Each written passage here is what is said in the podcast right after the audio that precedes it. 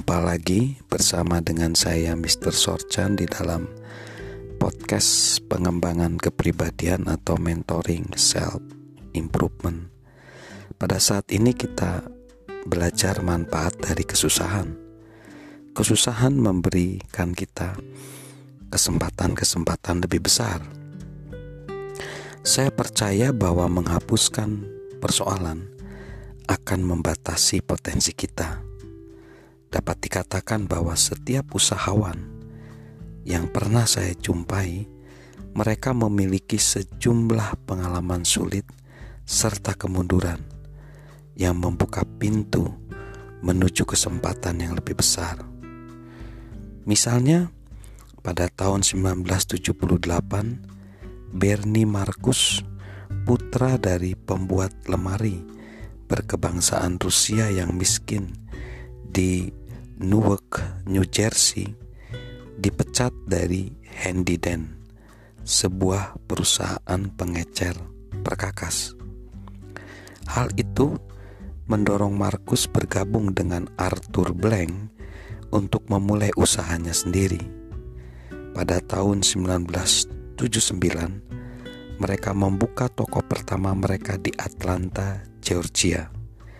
Nama tokonya The Home Depot. Hari ini, The Home Depot memiliki lebih dari 760 toko dan mempekerjakan lebih dari 157 ribu orang. Bisnisnya telah berkembang ke luar negeri dan setiap tahunnya perusahaan ini mencapai penjualan lebih dari 30 miliar US dollar. Saya meyakini bahwa Bernie Marcus tidak senang ketika dipecat dari Handy Dan.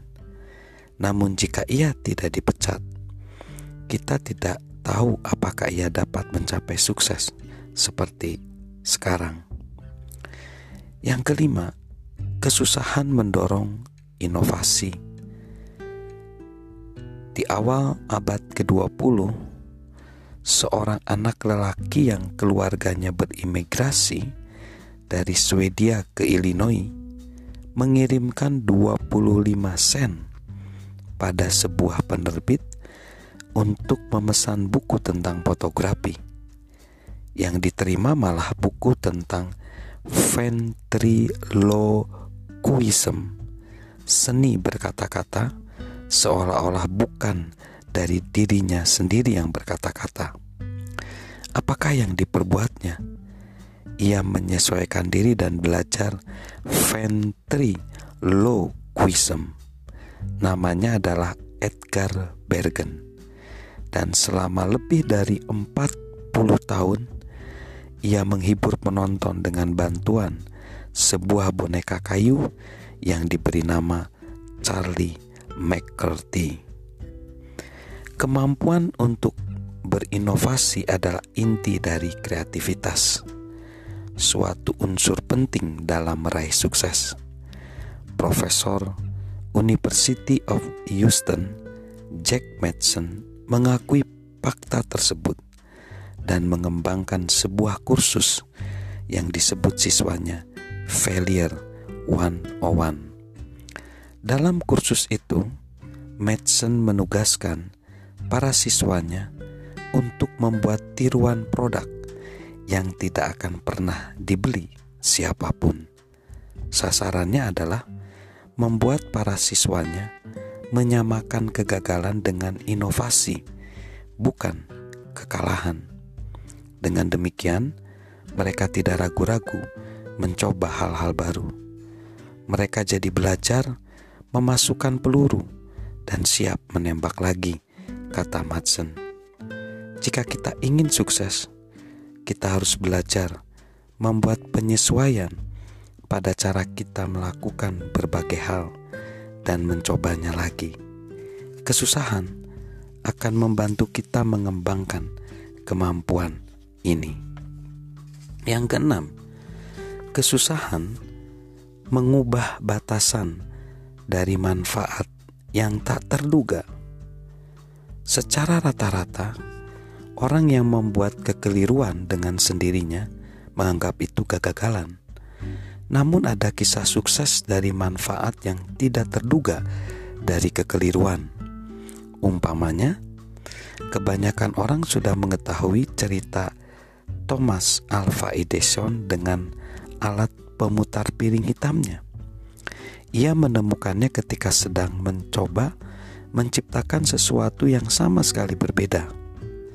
Namun, tahukah kita bahwa cornflakes milik Kellogg's sebenarnya adalah gandum yang tertinggal di dalam panggangan semalaman?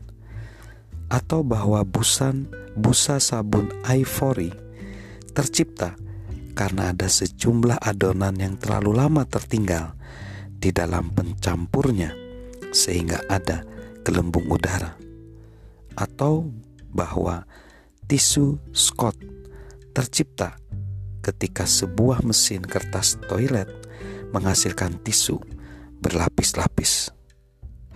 Horace Walpole mengatakan bahwa dalam ilmu pengetahuan, kekeliruan selalu mendahului kebenaran. Itulah yang terjadi pada ahli kimia berkebangsaan Jerman Swiss, Christian Friedrichs Schonbein.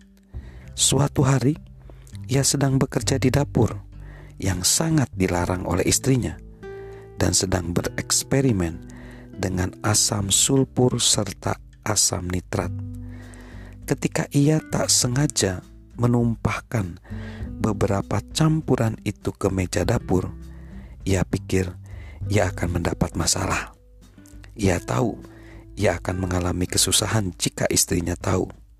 Buru-buru, ia ambil celemek katun, menyeka tumpahan tersebut, dan menggantung celemek tersebut dekat perapian untuk mengeringkannya. Tiba-tiba terjadi suatu ledakan dahsyat. Jelaslah, selulosa di katun tersebut mengalami proses yang disebut nitrasi. Secara tidak sengaja, Seklon Bain telah menemukan nitroselulose yang belakangan disebut bubuk mesiu tak berasap. Ia pun pergi menawarkan temuannya itu ke pasar yang membuatnya mendapat banyak uang.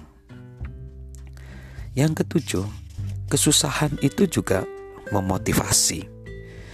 Bertahun-tahun yang lalu ketika Bear Bryant sedang melatih tim rugby University of Alabama, tim Crimson Tide unggul dengan selisih hanya enam angka dalam pertandingan yang akan usai dalam waktu kurang dari dua menit. Brian mengutus pemainnya dengan petunjuk agar bermain apa adanya karena terbatasnya waktu.